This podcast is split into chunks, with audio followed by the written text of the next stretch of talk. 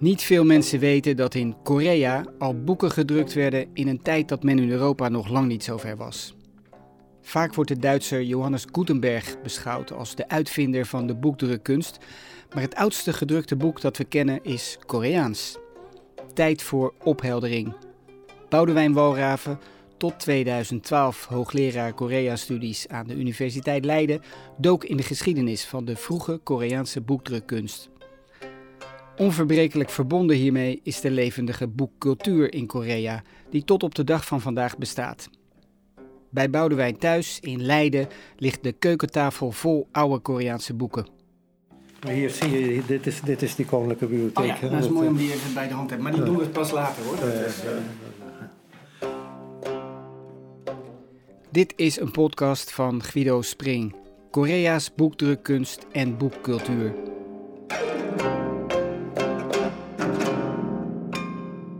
Afgelopen zomer was er plotseling groot nieuws. The excavation of hundreds of historic artifacts from the Chosun dynasty in Insadong, which is downtown Seoul, caught many by surprise. And among the relics, Hangul, or the Korean letter metal type blocks, assumed to have been produced during the early stages of King Sejong's creation of the Korean language, is garnering extra attention. Echt midden in het centrum van de Koreaanse hoofdstad, Seoul, Seoul, uh, zijn, is een vondst gedaan van uh, losse vondst waarmee Koraans alfabet gedrukt kon worden. Ja. En dat dateert uit het midden van de 15e eeuw. Hè. Dat is precies de tijd waar een, uh, Gutenberg werkzaam was, die dus in het Westen vaak wordt gehouden voor degene die dat drukken met losse metalen type heeft uitgevonden. Ja. En dat was in Korea was het al uh, een paar eeuwen aan de gang eigenlijk. Dus dat is eigenlijk niet uitgevonden door Gutenberg. Um, maar het aardige is dat als je naar de Koreaanse uh, drukgeschiedenis kijkt en hoe zij met boeken omgingen en hoe ze dus kans zagen, uh, dus een, een wijde verbreiding van boeken tot stand te brengen, dan uh, wordt eigenlijk heel veel theorie die in het Westen is gemaakt over de uitvinding van de boekdrukkunst, die wordt een, een beetje gerelativeerd. En dus in Europa is vaak gezegd hè, dat er allerlei ontwikkelingen, zoals onder andere de reformatie, heel erg daardoor bevorderd zijn. En uh, als je nu de Koreaanse gegevens erbij haalt, dan zie je dat dat eigenlijk niet per se uh, alleen maar door dat drukken met losse metalen type was. Ja. Het kan ook heel goed op andere manieren gedaan worden. Hè? Dus, dat, dus die, die uitvinding van of de, de, zogenaamde uitvinding hè, van de boekdrukkunst met losse metalen type door Gutenberg, is misschien toch niet zo cruciaal geweest als soms wel gedacht wordt. Ja. We gaan daar straks op in. Wat is er nou precies aangetroffen bij die archeologische vondst in het centrum van Seoul? Dat is op zich al opmerkelijk. Ja, dus de Koreanen die zijn eigenlijk begonnen met, uh, toen ze eerst drukten, drukten ze eigenlijk teksten die in het Chinees waren geschreven. Dat gebruikten ze als uh, schrijftaal, net zoals in Europa het Latijn werd gebruikt. En dan heb, moet je, dan heb je natuurlijk te maken met karakters. Uh, maar ze hebben in de 15e eeuw hebben ze hun eigen alfabet uitgevonden.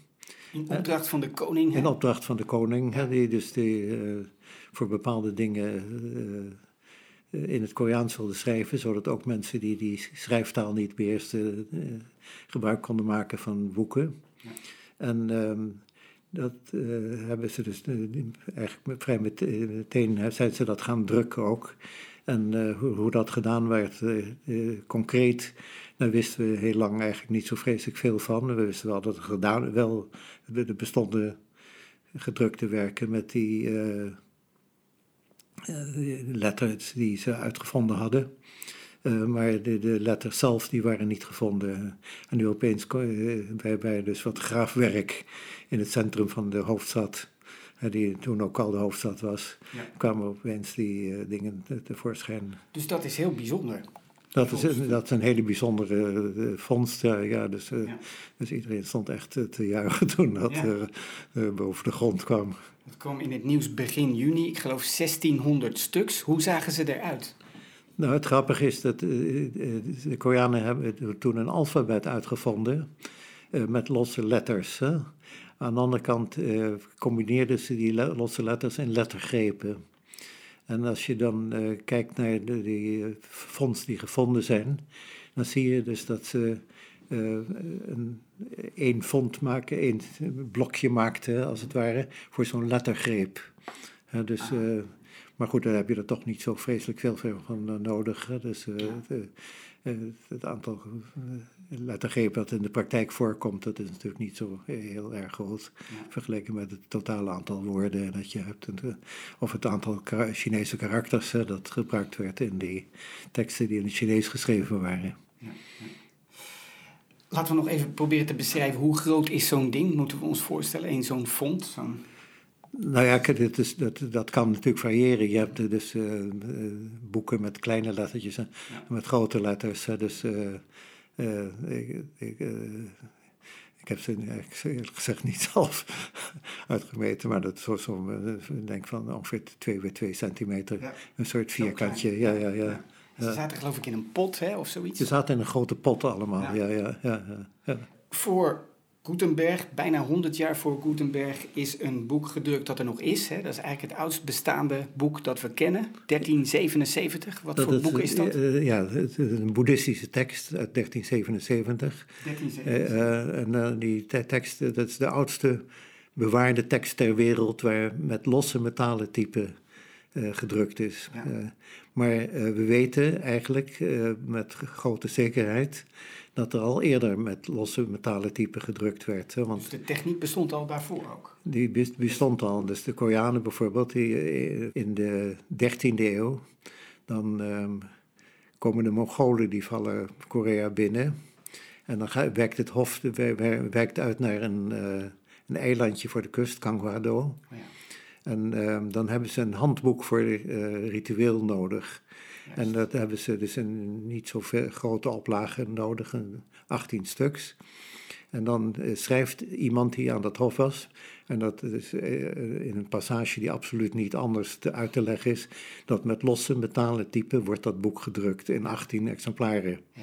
En dus eh, toen was het hij zegt ook niet, we hebben dat uitgevonden of iets dergelijks. Het, het, was al gangbare praktijk.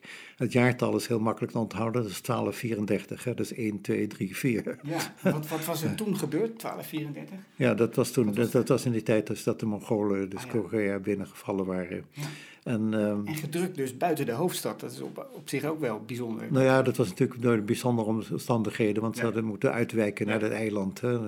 Die Mongolen die, eh, die waren goed te paard, maar uh, dus het water was wat minder sterk. Hè. Dus het, uh, ja. maar de Koreanen die, die, die hadden dus daarvoor ook al wel gedrukte boeken. Maar die zijn niet bewaard gebleven? Nou ja, soms, soms wel, maar die zijn dan met een andere techniek gedrukt. Oh, Oh, dan komen we aan het hout, de houtblok. Dan, komen, dan komen we de houtblokken. Hè. Dus, dat gaat nog veel verder terug, hè? Dat gaat nog veel verder terug. Hè. De, uh, dus al een tekst die van het midden van de 8e eeuw dateert. Uh, uh, waarvan sommigen zeggen dat hij nog wel een jaar of 50 ouder is. die bij een boeddhistische tempel is gevonden. Een hele beroemde boeddhistische tempel, hè? Bij ja, de stad Pulguk, Ja, Pulguksa. Dat is een boeddhistische tempel, een hele bekende ook. Ja, een hele beroemde tempel. Ja. En uh, dat is een, te een, tekst die gedrukt is door gewoon de karakters uh, dus uit te snijden in een, uh, een, een, houten blok. En dan wrijf je dat in en dan leg je dat en dan besmeer je er inkt op en dan, ja. dan leg je een vel papier op en dan druk je aan en dan heb je een, een, een hele pagina meteen. Ja. En dat is een techniek die ook in China uitgebreid werd toegepast.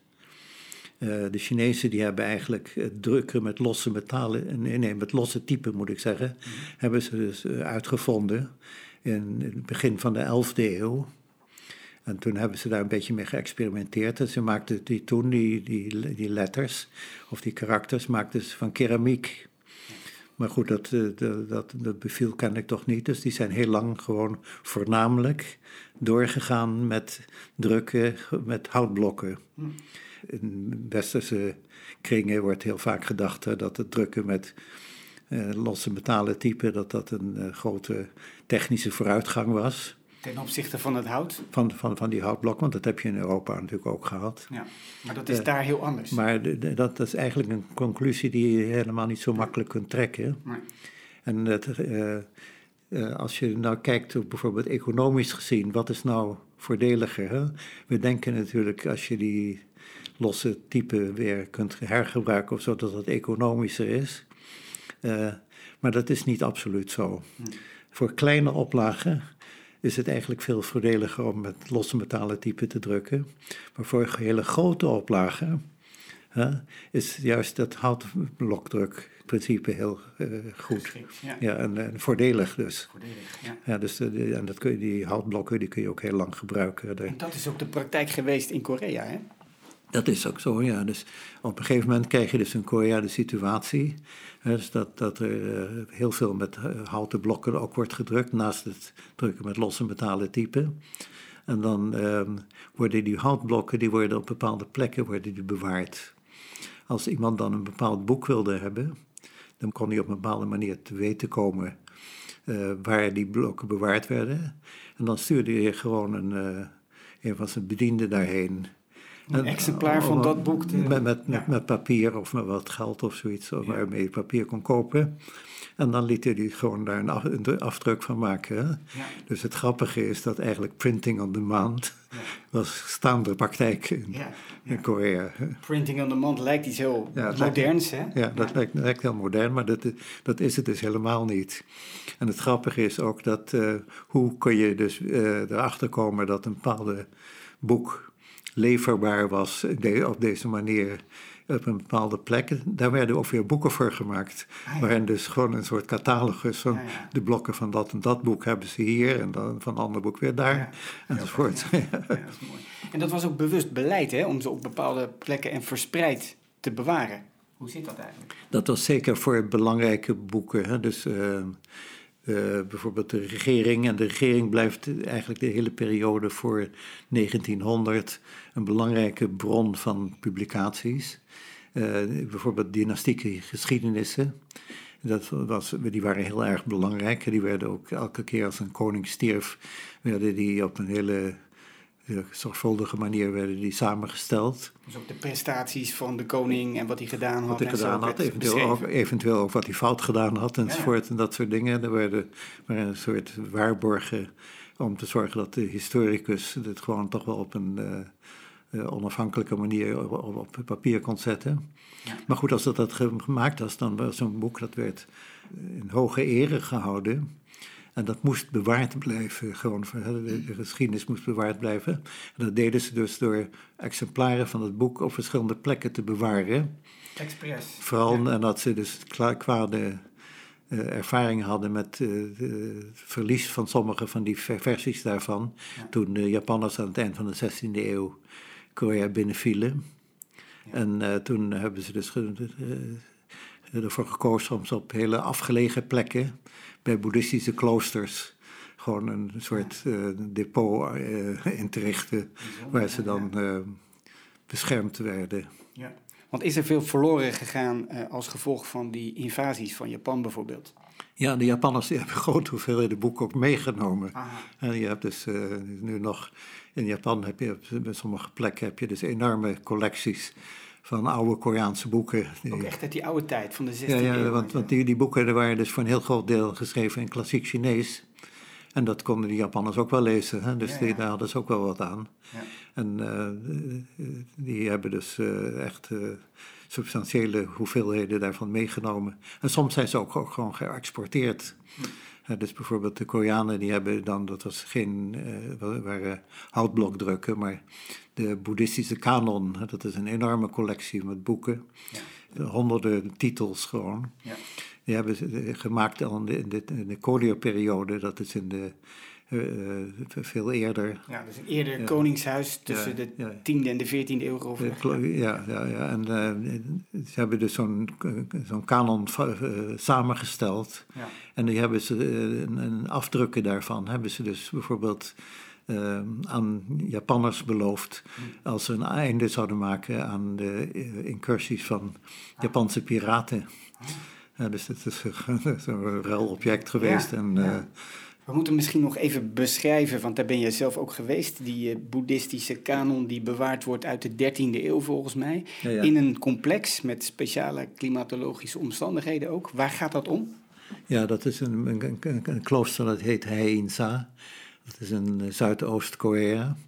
En daar hebben ze dus een, een enorme gebouw neergezet dat speciaal ontworpen is om uh, die houtblokken daar te bewaren. En uh, er zitten dus allerlei uh, luchtgaten, spleten zitten erin, zodat de lucht vrij ongehinderd door het gebouw kan passeren, dus dat ze, ze niet wegrotten. En dat is heel succesvol, dat nog steeds ja. Uh, is dat, uh, zijn die, die blokken dus daar bewaard. En er kunnen nog steeds afdrukken van gemaakt worden. Ja, dat is ook zo bijzonder, hè? Dus ja. het is een soort, ja. het blijft bestaan. Ja, het blijft bestaan en het is volgens mij ook op dit moment erkend als werelderfgoed, hè, terecht. En dat is echt een unieke collectie. 80.000 blokken te zijn. 80, en ja. Ja, Sinds kort kun je er ook gemakkelijk naartoe. Dat was voorheen een beetje beperkt, maar je bent er wel eens geweest. Ja, dus ik denk dat in de tijd dat ik daar voor het eerst was, dat was helemaal niet zo moeilijk om daarheen te gaan, omdat er toen uh, geen, geen massatoerisme was. In Korea, helemaal niet. En uh, ik ben voor het eerst naar Korea gegaan in de jaren zeventig. En in die tijd waren er eigenlijk geen buitenlandse toeristen. En ik denk dat, dat we later daar wat beperkingen hebben ingesteld, maar uh, toen werden we gewoon rondgeleid. En je kon zelfs afdrukken van zo'n blok kijk op. Ja? ja, ja, ja. hoe dus ziet het er dan uit? Dat is, nou ja... is ja, dat, dat zijn dus uh, die, die, die, afdrukken, dat zijn meestal van twee bladzijden. Ze maakte boeken wel op een manier die uiterlijk een klein beetje lijkt op die van, die van ons, maar ze gebruiken toch een ander principe. Uh, je, drukt tegelijk twee bladzijden af en dan vouw je in het midden het papier om. En waar de vouw zit, dat wordt de voorkant van het papier. Okay. En aan de andere kant is het open natuurlijk, maar daar wordt het met, met een touwtje wordt het allemaal bij elkaar gebonden. Hè? Dus dat, uh, ik heb hier, We hebben hier een tafel vol met allerlei dingen liggen en je hebt hier ook uh, ja. wat, ja, dus wat je net beschrijft eigenlijk. Ja, dus dit is een romannetje uit de 19e eeuw, of een, helemaal een Hangul, hè, dus het uh, Koreaans, Koreaans schrift, ja. ja en, um, Heel dun papier zo te zien. Kijk, je ziet dus de, de, de voorkant van de, de Dus eigenlijk was het, het plat uitge, ja, ja, ja. uitgevouwen. En dan de, wat nu de voorkant van de bladzijde is, eh, of de dunne kant waar het gevouwen is, die, die zit naar eh, voren. En uh, het wordt dus aan de achterkant waar het open is, wordt het met touwtjes. Ja, touwtjes er doorheen. Uh, doorheen wordt het tot een uh, boek gemaakt. Mooi. En wat is dit nu voor boek bijvoorbeeld? Dit is een soort handboek voor ritueel. Van vier soorten ritueel. Hè. Dus daarom zitten ook, staan ook vrij veel plaatjes in. Oh ja. Het, wat voor rituelen gaat het dan bijvoorbeeld om? Voor rouwrituelen. Hè, dus, uh, hoe dat uh, gemaakt wordt door de... Een soort instructies haast of beschrijvingen? het zijn de, nauwkeurige instructies. Hm. Want ritueel was een heel belangrijk onderdeel hè, natuurlijk van ja. confucianistische beschaving. En, en, dus hier aan de zijkant heb je de paginanummers. Dus oh, het, het aan de linkerkant van het blad als je het openslaat. Ja. Waar heb je dit nu verworven of gekocht? Weet je dat nog? Ja, de, toevallig van dit boek weet ik, ik schrijf precies op straat. Oh, op straat? ja, gewoon een man met een kar die, uh, ja. die de boeken... Kijk, het zijn boeken over het algemeen die dus in klassiek Chinees geschreven zijn. Dus heel weinig mensen kunnen dat nog lezen. Ja. En het is ook niet, op zich niet zo'n bijzonder boek. Het is ook een deeltje eigenlijk van uh, een set van vier, denk ik. Uh, het grappige is, die, die set van vier, die zijn... Die, zijn vernoemd naar de seizoenen. Dit is het afdeling, de afdeling herfst. En dat eh, wordt ook geassocieerd met dood. Dus, ah. uh, dus met rouwrituelen. dus, maar gewoon op straat, dat verwacht je eigenlijk op, niet? Op straat, ja. En ik heb nog wel een ander voorbeeldje daarvan. En is dat dan ook goedkoop of duur? Of, ja, het is heel goedkoop. Heel goedkoop het, het, het, is voor over nou zo'n uh, 8 euro of, ja. of uh, misschien 16 als het een beetje de prijs oploopt. Ja, terwijl het toch wel heel oud moet zijn. Het is redelijk oud, ja. Nou, ik denk dat het 19e, 19e eeuw is bijvoorbeeld. Hm. En uh, ik kocht ook op straat een keer zo'n boekje. En toen de man die verkocht. Die liet me enthousiast zien dat dat heel goed papier was. Hij scheurde een hoekje af van een bladzijde. Zou je gewoon niet doen? Of kijk, nee, nee, hij zei, nou, ja, hij zei, kijk wat een mooi, dan een goede kwaliteit papier. Je kon ja. goed de vezeltjes zien van, van het papier. De Koreanen, moet ik erbij zeggen, die waren hele goede papiermakers. Uh, dus uh, de, je had allerlei kwaliteiten papier natuurlijk, maar de allerbeste kwaliteiten die waren dus ook in China en Japan heel geliefd. Want was het voorhanden? Want het moest ja, soms ook gemaakt worden? Of het werd gemaakt, ja. Nou, daar waren dus Koreanen waren dus nog goed in. En uh, ze gebruikten daarbij vezels van de moer bij boom. Hm. En uh, die was ruim voorhanden gewoon in bepaalde streken in Korea. Dus, ja. ja. Maar papier was vrij duur. Dus vaak is dan echt de, de, kosten van boeken, die hingen van de kosten van papier af vooral. Ja. Je kunt ook zeggen dat uh, bijvoorbeeld uh, een, heel groot deel van de periode, dat is ook wat dat heel raar is vanuit Europees standpunt, er is eigenlijk geen com commerciële productie van boeken. Ja. En desondanks worden er veel boeken gemaakt en er worden er boeken gezocht, artikelen. wat je dan kon doen, is dan ging je naar een instantie toe waar gedrukt werd. bijvoorbeeld een regeringsbureau. En als je dan maar gewoon papier meenam, of de, de, de kosten van het papier kon vergoeden, dan kon iedereen daar gewoon een boek halen. Ja. dat, uh, ja. dus dat is echt compleet anders dan in Europa, waar dus eigenlijk van Gutenberg af gewoon het eh, meteen handel is. Hè? Dat, uh, dus de overheid was een hele belangrijke, misschien wel de belangrijkste opdrachtgever van ja, het maken van boeken. Ja, absoluut. Ja. En dat heeft ook te maken met de Confucianisme. Uh, in het begin eh, van de dynastie, de Joseon-dynastie, die begon dus in 1392. Uh, eh, daarvoor hadden ze vaak boeddhistische literatuur natuurlijk. Hè? Dus de, het oudste boek van 1377 een boeddhistisch boek. Maar dan wordt Confucianisme wordt belangrijker. En wat ze dan in die tijd literatuur noemden. En dat waren dus heel, vooral serieuze werken zoals de de gezegden van Confucius en dat soort ja. teksten. Uh, de, die, die, waren belangrijk bij de, uh, het reilen en zeilen van de staat. Ja. Dus de staat voelde zich daar verantwoordelijk voor. En wilde het ook verspreiden natuurlijk. En wilde dat verspreiden. En dus de staat begon inderdaad opdracht te geven aan allerlei instanties om boeken te drukken. En uh, heel belangrijk ook met dat losse, die losse metalen type, de, de drukken daarmee. De staat liet dus fonds schieten daarvoor. De, de staat is eigenlijk een van de voornaamste producenten, dus van met name die boeken die met losse metalen type, bronzen type gedrukt zijn. Ja, want dat werd brons, hè? dat werd meestal, dat was het meestal. Ja. Ja, ja. En er werd later ook vaak weer houtafdrukken gemaakt, regionaal. Ja, nee, als, je, als, je, als je wil begrijpen dat, hoe dat werkt, hoe uh, zagen ze kans om die uh, boeken dus een wijde verspreiding te geven. Uh, dus de staat liet een vrij beperkt aantal drukken. Uh, en dan konden mensen die de, het geld daarvoor hadden, dus daar bij, bij de staatskantoren als het ware, uh, konden ze een exemplaar afhalen. Maar wat de staat ook deed, is dat nou, ze dan exemplaren van die boeken stuurden naar elke plek waar een magistraat heen gestuurd werd voor het dagelijks bestuur. In de provincie. In de provincie. Ja. En wat ze daar dan vaak deden, dan gebruikten ze zo'n tekst om een houtblok druk te maken. Ja. Dus dat drukken met die houten blokken, dat ging gewoon door. En dus uh, uh, wat ze deden was dat je neemt zo'n vel, uh, dat papier dat is vrij dun en doorzichtig. Dus, ja. En ehm, dan legden ze een vel op een blok hout. Ja.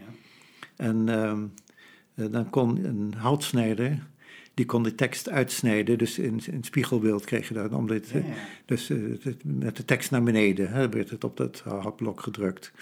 En dan kon je dus een, uh, een, een, kopie maken in houtblok van die tekst met losse metalen typen gemaakt. Ja. En uh, als je dat dan had, dan kon je die blokken gewoon verder voor, voor verder productie gewoon heel lang bewaren. En dat werden ook grote oplagers dan waarschijnlijk. En dat konden, dat konden grote oplagers zijn, ja, ja. ja. En dus die, die blokken werden lang bewaard. Dus dan eh, had je daar voor een hele lange tijd had je daar wat aan.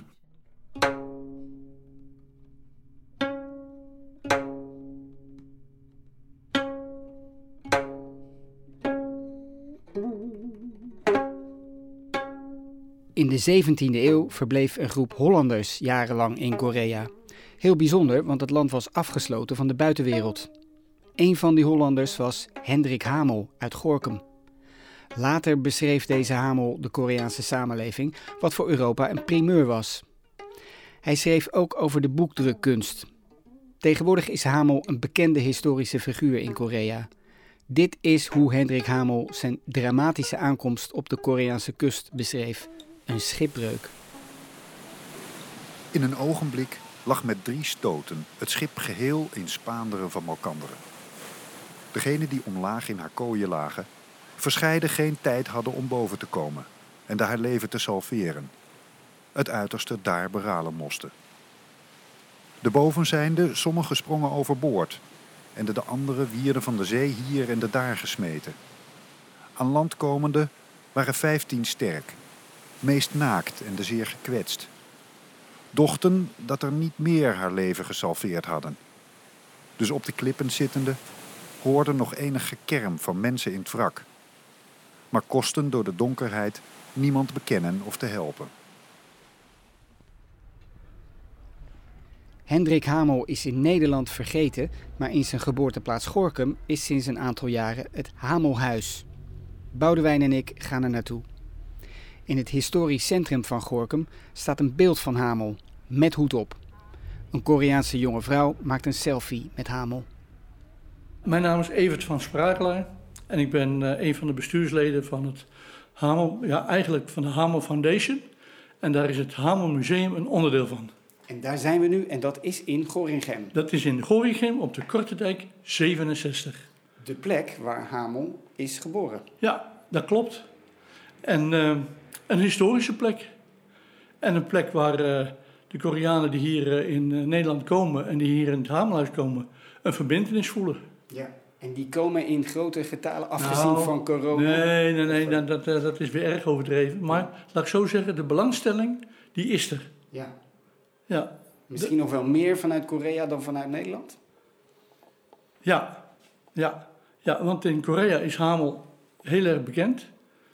Dat is onvoorstelbaar, want uh, wie zou dat bedenken? En in Nederland, ja, daar is het gewoon een stuk vergeten geschiedenis. En heel in het kort nog iets over de geschiedenis van dit museum, want het is begonnen in welk jaar en hoe ging dat? Nou, het is begonnen in, uh, nou ik zo zeggen, eigenlijk is het begonnen in 2005. Toen zeg maar echt de, de, het besef doordrong dat we met, uh, met Hamel iets wilden doen in Gorkum. Ja. Toen is er een stichting opgericht en uiteindelijk zijn we in 2009 begonnen met de bouw. Ja, het is echt een nieuw gebouw uh, toen gebouwd. Ja, het is een nieuw gebouw, maar we hebben de oude bouw zoveel mogelijk proberen te handhaven naar de 17e eeuw. Ja. Dus um, de balken die hier uh, in het Hamelhuis zitten als, uh, als, uh, nou, voor, voor de bouw, hè, voor het gebouw zelf, dat zijn geschaafde, met de hand geschaafde balken, zoals dat ook in de 17e eeuw plaatsvond. Dat is echt, ja. Nou, dat is mooi. Dat is, uh, en het is ook, ik vind het ook wel mooi dat aan de andere kant op de gevel staat dat het uit 2009 is. Hè? Dus het, het ziet er heel oud uit, maar er wordt niet, uh, de, de kijker wordt niet be, uh, belazerd, zeg maar. Ja. 2014, 15 is het open gegaan? Nee, het is 2015 open gegaan in juni. En daar hebben we gevierd dat het Hamerhuis eindelijk geopend werd. Met een Koreaanse vlag ook en allerlei Koreaanse elementen hier ja. in dit oude Hollandse vestingstadje. Dat is ja, wel bijzonder. Nee, dat klopt. Ja, dat is, dat is het ook. Ja. Kunnen we deze deur dicht doen? Of, uh, ja, ja. Dat is misschien nou, wel goed. koffie of thee? Ik vind, het, ik vind het wel lekker koffie, maar ik weet niet... Uh, ja? Ja, weet ja. Koffie? Prima. Ik zal, zal ik eerst Dit is volgens mij een model van het schip uh, waar Hamel mee voer. Ja, dat is hè? dus het schip dat in uh, 1653 schipbreuk heeft geleden bij het eiland Jeju. Ja, het is, het is een betrekkelijk overzichtelijk uh, schip, hè? het is helemaal niet zo groot. Een vrij klein schip inderdaad, ja, het is niet een van de grootste schepen van de VOC. Nee. Maar uh, het is dus uh, in 1653 helemaal aan stukken geslagen op de rotsen aan de kust van het eiland. Ja. En als we het verhaal nog in het kort neerzetten, hoe zit het in elkaar? Hamel was op zo'n VOC-schip uh, werkzaam? Ja, hij was uh, waarschijnlijk als boekhouder. Hij was iemand die dus zeker uh, opleiding had genoten. En hij ging eigenlijk naar Japan, waar de VOC in die tijd zijn vestiging had. En ehm, het was dus helemaal niet de bedoeling naar Korea te gaan. Maar omdat ze schipbreuk leden, zijn ze daar eigenlijk tegen wil en dank uh, aan land gegaan. En uh, de Koreanen lieten ze niet gaan en ze zijn er 13 jaar geweest. Een enorme lange tijd, hè? Dat is een lange tijd en dat heeft Hamel in staat gesteld om uh, een boek te schrijven, eigenlijk een soort verslag voor de VOC. Uh, waarin hij het land beschrijft. En dat is niet is vreselijk lang, maar het is wel erg to the point. Hij heeft hele korte, maar toch wel treffende schetsen van gegeven van allerlei aspecten van de Koreaanse samenleving. En daar hoort dus ook dus de, de boekdrukkunst hoort daarbij bijvoorbeeld. Ja, ja. En op deze plek is hij dus eigenlijk geboren, hier een klein stukje verderop. Maar het is een nieuw gebouw, maar het is wel hier geweest. In 1630 is hij dus hier aan de Kortendijk in Gorkum geboren. Ja. ja. Dit is die ruimte die de, ja, de, de woonkamer en de leefkamer uh, geweest is van die familie Hamel. Ja, dus, het is dus gereconstrueerd, want helaas is het oude huis niet bewaard gebleven. Maar ze hebben wel heel veel moeite gedaan om het echt in de oude stijl te reconstrueren. En, ja. uh, er komt uh, licht naar binnen door van die kleine glas- en loodraampjes. Ja. Dus, Ook met de hand gemaakt, hoorde ik en zo. En hier een tafel natuurlijk, schilderijen aan de muur. Er staat zelfs een muziekinstrument, hè? Ja, ja, een soort, wat is het, een spinet of ja. Voorloper van een... Uh, een klaversymbool. Klaversymboolachtig, ja, ja. En volgens mij ook een bedstee in de, in de bedstee, ja. Met een brandend kaarsje. Dat is wel een mooi element zo. Ja, ja. Krijg je toch een beetje het idee van die tijd. En er hangt een portret, maar dat is misschien niet helemaal natuurgetrouw. Nee, dat is inderdaad, we hebben geen idee hoe Hamel eruit zag, helaas. Uh, we, we, weten wel wat, een beetje wat voor iemand het was. Wat voor, hij kwam uit een vrij welvarende familie. Ik denk ook dat een van zijn Hamel familieleden bewindvoerder was van de West-Indische Compagnie. Hè, dus iemand wel ook waarschijnlijk van zekere status. En uh, in, in, de groep van de mensen die aangespoeld zijn was dus Hamel. Dat is duidelijk degene met de meeste uh, educatie. Maar een hele jonge man, hè? want destijds was hij begin 20 of zo. Hij was 23. Ja. Uh, en een aantal is meteen om het leven gekomen natuurlijk. Daar zijn, er waren meer dan 50 mensen aan boord. En dat zijn er, geloof ik, als ik het goed, me goed herinner, 32 van levend aan land gekomen. En in de loop van de jaren zijn er in Korea nog de nodige gestorven. Ja. Dat is ook een tijd van hongersnood en ziekte een beetje in Korea. En uiteindelijk zijn er dus uh, een aantal daarvan is dus, uh, heeft kans gezien te ontsnappen, naar Japan te varen in een heel klein bootje. Ja. En er was Hamel dus bij en die heeft dus, zodra hij dus in Japan was, is hij heeft hij de pen op papier gezet en heeft een verslag gemaakt voor de VOC. Om eens een keer uit te leggen waarom, of op wat voor manier ze dat kostbare schip met de kostbare lading ver, eh, verloren waren. Hè. Dat, dat, was het eerste dat doel. Was een, dat was het eerste doel, maar de VOC gaf mensen ook instructies om als ze in onbekende gebieden kwamen, daar uh, gewoon zoveel mogelijk informatie op schrift te stellen. Uh, om te zien of er misschien andere handelsmogelijkheden nog waren die de VOC nog niet ja. Eh, ontwikkeld had. Dus, uh, en daar was een soort handleiding voor.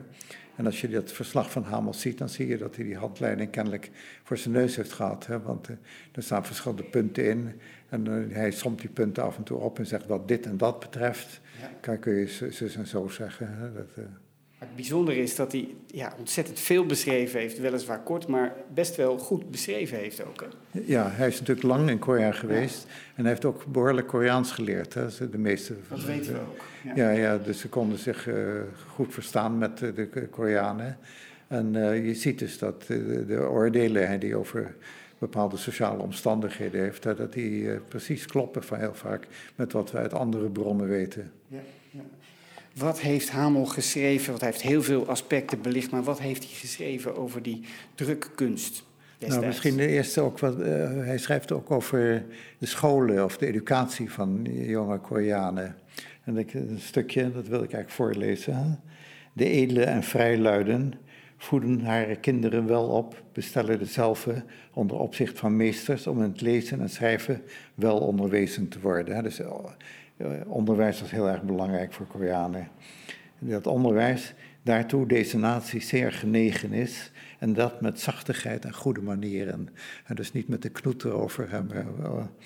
Uh, haar altijd, dus die, dat is aan die kinderen, altijd voorhouden de geleerdheid van voorgaande mannen en dengene die daardoor tot grote staat gekomen zijn. Dus belangrijke voorbeelden, die werden die kleine kindertjes voortdurend voorgehouden. Zitten meest dag en nacht aan lezen. Het is te verwonderen dat zulke jonge maats haar schriften zo kunnen uitleggen waarin meest haar geleerdheid bestaat. Het gaat over die geschriften. Dus uh, met andere woorden, onderwijs was geweldig belangrijk en de regering vond het ook heel erg belangrijk. En dan kom je bij de boekcultuur uh, terecht. Want uh, om, om, dat soort voorbeelden vast te leggen heb je natuurlijk boeken nodig. Je hebt ook boeken nodig die belangrijk zijn voor de ethische opvoeding van kinderen, zoals confucianistische geschriften. Ja. Dus de regering was een hele belangrijke bron eigenlijk van geschriften. Een opdrachtgever kun je ja. zeggen. Ja, want het Confucianisme was de, was de staatsleer geworden. Dat was de staatsleer. Dus de, de, de regering liet direct uh, allerlei instanties gewoon boeken, gewoon boeken drukken en verspreidde die ook. Ja. En het resultaat, daar heeft Hamel dan ook over. Ze hebben veel geschreven en gedrukte boeken van oude tijden Daarop zij zulke regaar nemen dat de koningsbroeder of de prins des lands altijd op zich daarover heeft. Hè. Dus ze, ze zijn zo, vinden die boeken zo belangrijk dat de, de broer van de koning uh, als een soort opperbibliothecaris zou je kunnen zeggen, uh, optreedt. Nog een stukje. De kopieën van de boeken en de drukplaten worden in vele steden en vastigheden, dat zijn forten, bewaard om bij ongeluk van brand of anderszins daar niet van geheel ontbloot te zijn. Dus we waren ontzettend bang dat dus bijvoorbeeld door branden uh, die, uh, die bronnen dus verloren zouden gaan. En ze zorgden er dus voor dat dat nooit uh, helemaal kon gebeuren, hè, omdat het op verschillende plekken werden belangrijke teksten dus bewaard. Bijvoorbeeld van bepaalde boeken werden dus in zoveel exemplaren gedrukt en die werden dan verspreid.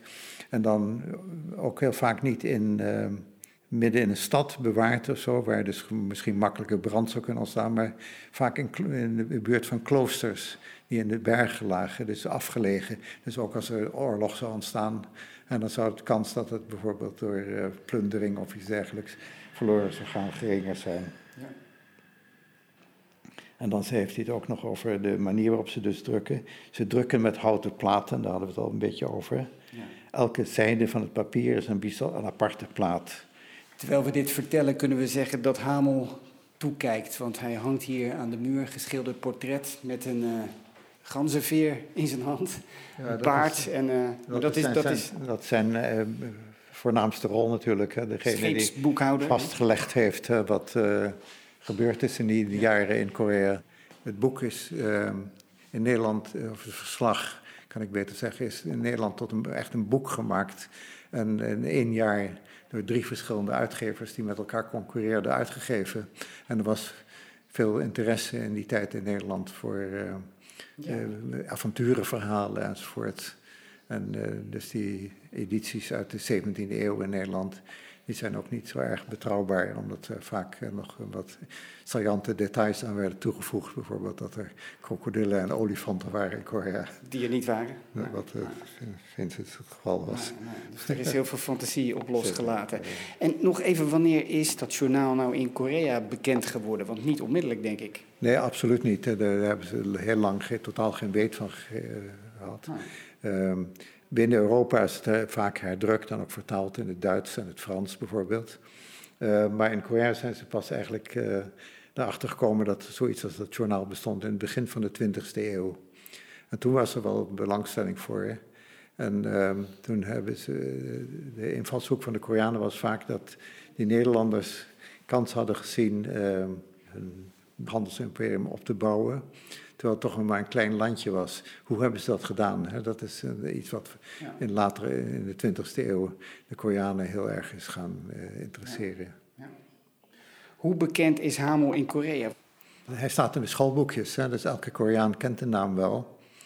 En het, het grappige is dat je dus in Seoul heb je dus uh, een hele grote straat, maar echt in het centrum. En dan hebben ze in de stenen, hebben ze per jaar hebben ze een belangrijke gebeurtenis uh, ingegraveerd.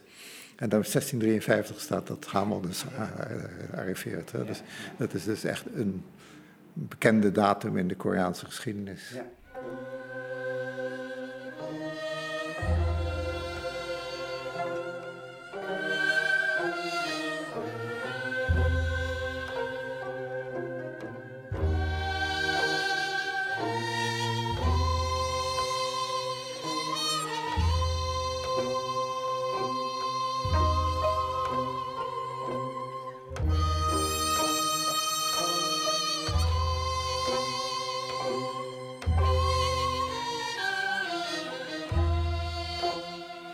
Als het over dit hele verhaal gaat en de geschiedenis van het drukken, zijn er ook wat misverstanden, Boudewijn?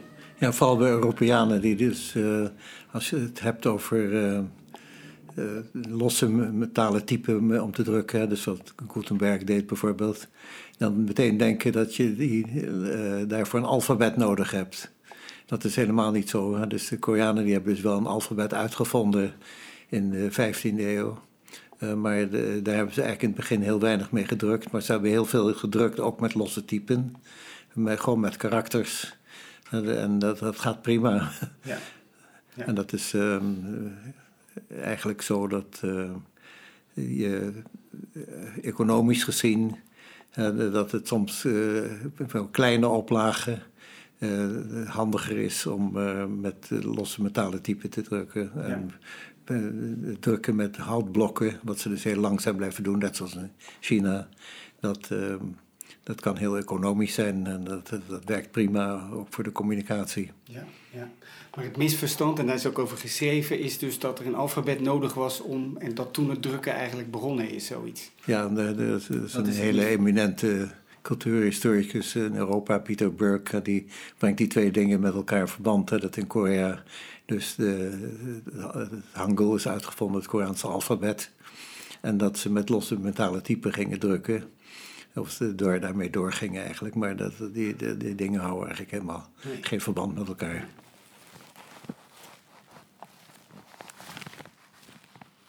Magistraten die maakten ook vaak een soort beschrijving van uh, de uh, gemeenschap waarin ze aangesteld waren voor een periode over het algemeen van ongeveer drie jaar. Mm -hmm. En daar werd dan ook uh, gezegd welke houtblokken er waren voor welke boeken. Ja, ja. dat was dus, heel belangrijk ook. En het grappige is dus dat bijvoorbeeld de man die op het eiland Jeju-do magistraat was, toen de Nederlanders in 1653 daar schipbreuk leden, die heeft dat ook gedaan. Met die hamel, hè? Ja, met Hamel. En uh, toen, uh, die, die heeft dus in zijn beschrijving van uh, Jeju-do dus ook opgenomen welke houtblokken daar bewaard werden. Ja. En dat is interessant, hè, want Jeju-do was eigenlijk een eiland dat een behoorlijk eind van het vasteland ja. aflag. Heel afgelegen, ja. 60, ongeveer 60 kilometer uit de kust. Ja. En het werd over het algemeen gezien als een soort een beetje achterlijk maar zelfs in zo'n achterlijke gemeenschap als die van dat eilandje, ja. Uh, daar werden dus die, die blokken bewaard. Ja. Uh, en dat drukken, gebeurde dat in, moet je dat zien als een soort staatsinstelling ook, waar dat gebeurde, staatsdrukkerijen, als ik het zo noemen mag? Of? Ja, nou, je, moet, je moet wel beseffen dat als je dus een, uh, zo'n houtblok hebt, dan is het drukken dat is eigenlijk iets wat uh, niet ingewikkeld is. Maar je hebt geen pers. Je hebt geen pers. Hè? Kijk, als je wilt zeggen wat nou de grote verdienst van Gutenberg is geweest, dat is wel waarschijnlijk dat hij een, een, een goede drukpers heeft ontworpen. Of, ging, met de hand werd het aangedrukt. Ja, ja, dus in, wat, wat ze dus in, in uh, het Verre Oosten in het algemeen deden, is dat je hebt zo'n houtblok, dat ligt gewoon plat op tafel of op de grond waarbij je het hebt. Je, je smeert het in met inkt.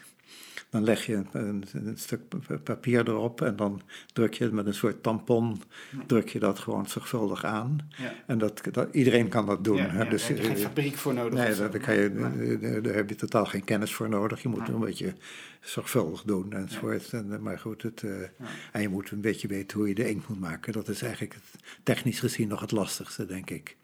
Dus... Uh, was inkt altijd voorradig? Want we hebben het over papier gehad, maar inkt en papier heb je nodig om te drukken. Was inkt voorradig?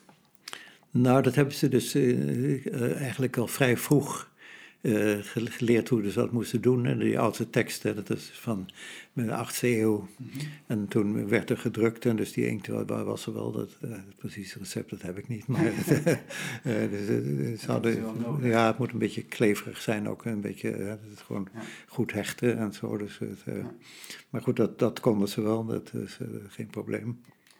Daarnaast bestaat ook uh, het manuscript, handgeschreven teksten. Dat bleef ook bestaan. Hè? Dat, dat ook bestaan. Ook, ook je, nog even belichten. Je hebt een soort uh, successie. Hè? Dus de, het idee in Europa is altijd gewoon op het moment dat uh, je een losse metalen type hebt om mee te drukken, dan is die oudere techniek is gewoon niet meer nodig. Niet meer nodig. Dat veroudert echt. Ja. En het manuscript al helemaal natuurlijk. Hè? Dat, dat manuscript dat wordt dan volgens uh, het idee van heel veel mensen in het Westen.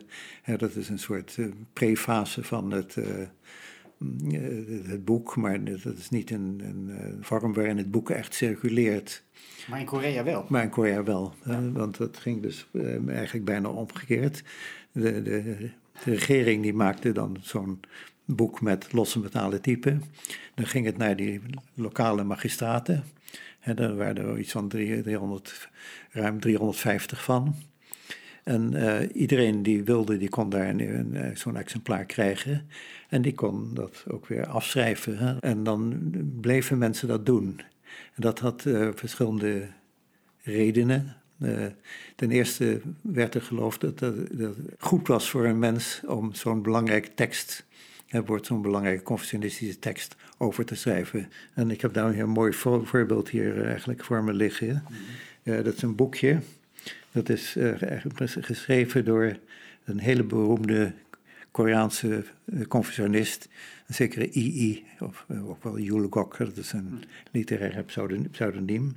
Het is een boekje waarin staat hoe jonge mensen opgevoed moeten worden, wat ze allemaal moeten leren. En ehm, dat boek is eigenlijk vrij snel gedrukt. En ehm, dan uh, heb ik op een gegeven moment ook dit boekje in Korea kunnen kopen. En als je kijkt. En dat is een? een uh, met de hand geschreven ja. versie. En het aardige is aan helemaal aan het einde. Daar zit een. Uh, heeft, de, de, had, er was nog wat extra papier.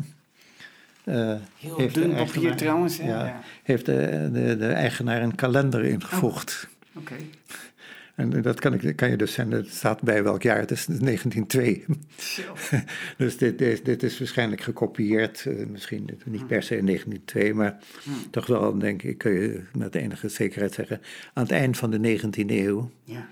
Terwijl die II, die leefde in de 16e eeuw. Ja.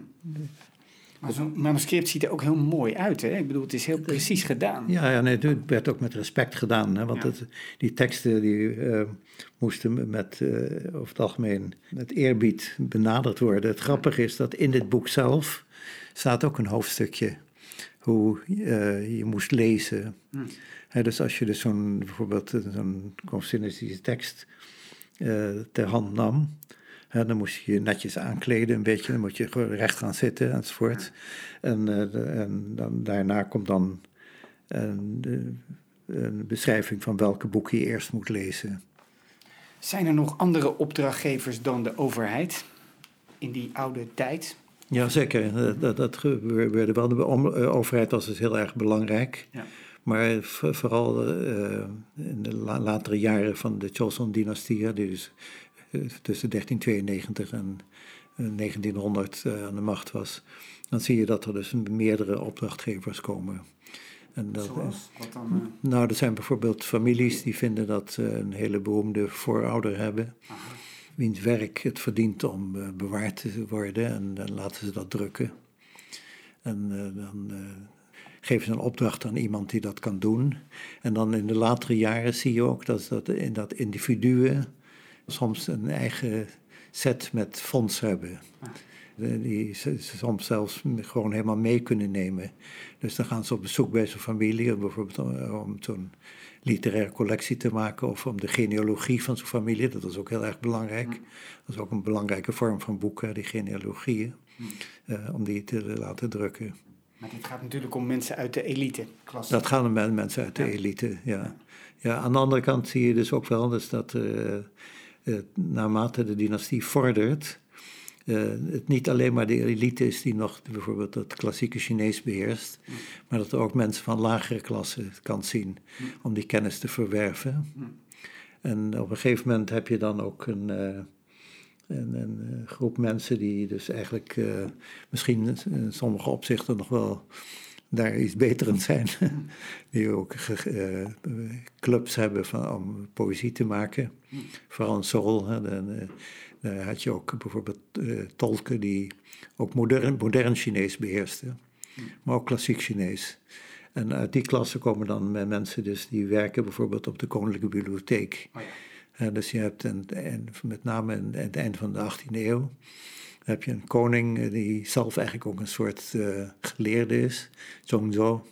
En die uh, maakt van die bibliotheek die hij heeft, de Kyuzhangak heet die, maakte uh, niet alleen een bibliotheek, maar ook een soort onderzoeksinstituut. En ook een uitgeverij volgens mij. En een, uitgever, en een uitgeverij. Hij laat dingen ja. drukken. Maar een van zijn employeurs... We hebben hier een plaatje liggen. Ja, ja. En, uh, ja die, die, bibliotheek dat, die ligt dus uh, op het terrein van een... Uh, lag op het terrein van een, een paleis. En het gebouw staat er nog steeds. De inhoud van de bibliotheek die is verplaatst naar Seoul National University. Ja. Uh, zodat die makkelijker te gebruiken is natuurlijk. Met, met, maar goed, um, het ligt daar heel erg mooi eigenlijk op een beetje op een heuvel. En, zo. en ja. daarvoor is een vijver en dit, dit gebouw weerspiegelt zich in het water. Hè. Dat is een hele idyllische plek eigenlijk. Ja. Waarom was dat een belangrijke plek? Ook door de uitgaven die daar werden Ook gedaan. door die uitgaven. En bijvoorbeeld een van die employés, dat een zekere Chang Hon, die, die, die is dus op een gegeven moment zelf begonnen te, te drukken. Mm-hmm. En dus hij maakte dus voor zijn, zijn baas, zeg maar, hè, dus de koning, uh, of voor de bibliotheek maakte hij dus uitgaven, maar hij nam zelf ook het initiatief om te publiceren. Dus hij, hij trad op eigenlijk als een uitgever. Maar later is er toch wel iets van sprake van commercie op beperkte schaal. Maar wanneer komt dat dan eigenlijk? Nou, dat begint, komt, gaat, komt langzaam op gang. En in eerste instantie voor boeken dus die nog in het klassiek Chinees geschreven zijn.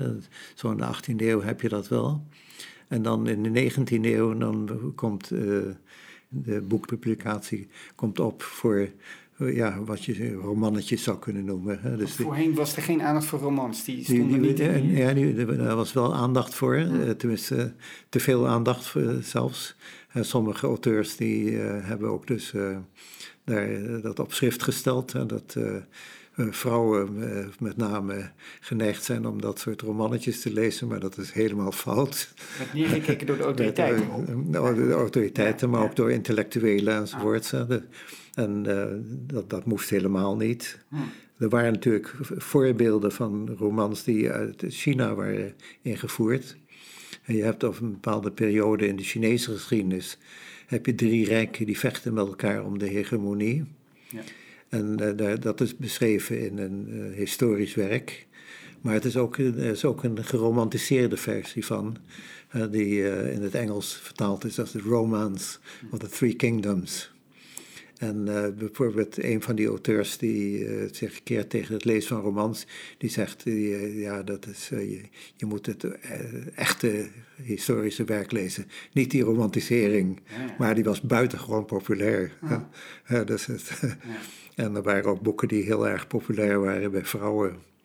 Uh, dus, dus die, uh, dat is een uh, verhaal over de, droom van de negen wolken. Dat is eigenlijk gedeeltelijk een soort liefdesverhaal. Dus het, dat, is, dat is ook romantisch al. En, er zit een boeddhistische achtergrond aan, eigenlijk ondergrond. dus uiteindelijk de les van het hele boek is dat alles is vergankelijk. Maar intussen heb je toch, weet ik wel, tientallen bladzijden ja. vol met liefdesgeschiedenis.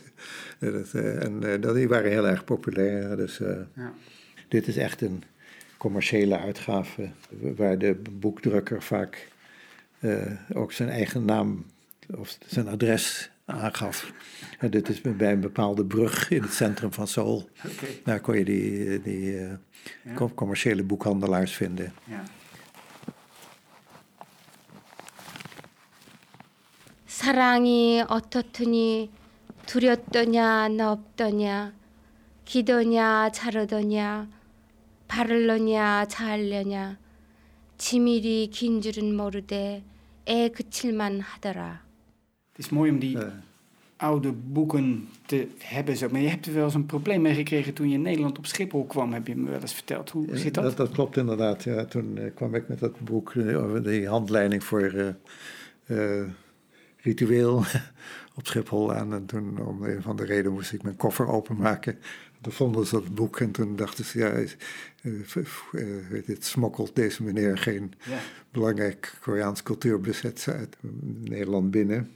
En wat gebeurde toen? Nou, toen moest ik het achterlaten. En eh, ik, ik, zei nog, ja, wie hebben jullie dan die weet wat het is?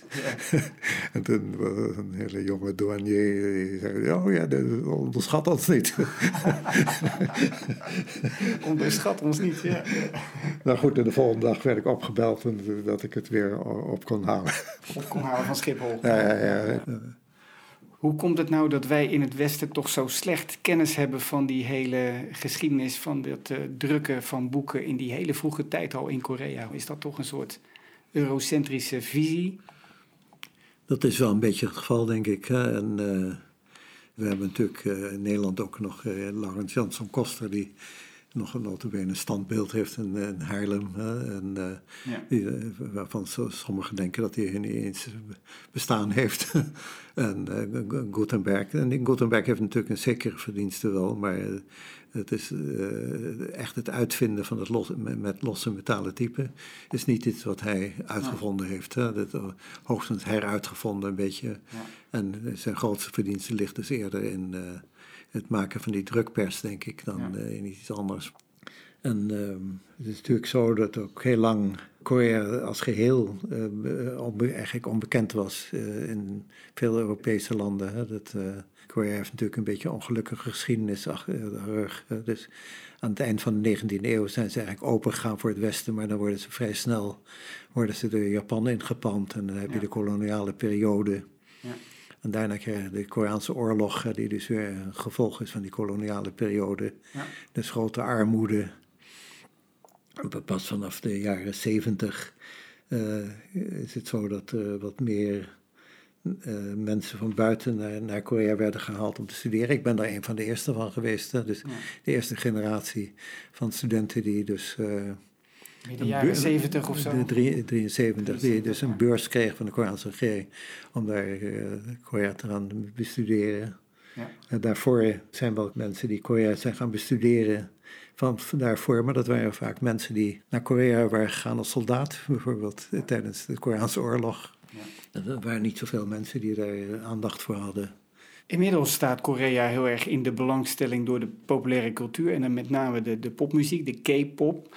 Maar hoe is het met het drukken? Is daar nog toekomst in Korea? Nou ja, er wordt, eh, je hebt nog enorme boekhandels en zo. Ja. Dus een hele forse boekproductie. En eh, ik moet zeggen, de boeken die gemaakt worden zijn vaak heel erg mooi. Hè. Dus eh, wat dat betreft heb ik ook een enorme ontwikkeling gezien. Vanaf de jaren zeventig, toen waren de, de, de boeken vaak toch een beetje, een beetje smoeselig, slecht papier enzovoort. Wel vaak heel goedkoop en hele aardige series hoor. Qua inhoud was er helemaal niks mis mee. Maar, eh, eh, eh, en nu worden ze vaak heel mooi uitgegeven. Er is nu ook een soort literaire ontwikkeling. een deel van de literatuur is, is helemaal digitaal. Hè? Dus dat is gewoon op het internet. Ja. Dus je, je hebt auteurs die voornamelijk voor het internet schrijven. Ja. Heel veel meer litera- echt literaire auteurs die kijken daar een beetje op neer. Maar dat is een hele beroemde onder hen, eh Hwang Sok-yong, die ook een Nobelprijskandidaat is geweest. En eh, die heeft het ook wel eh, geprobeerd. Dus eh, de- ik denk dat eh, de- ja, daar, daar ook nog wel toekomst in zit.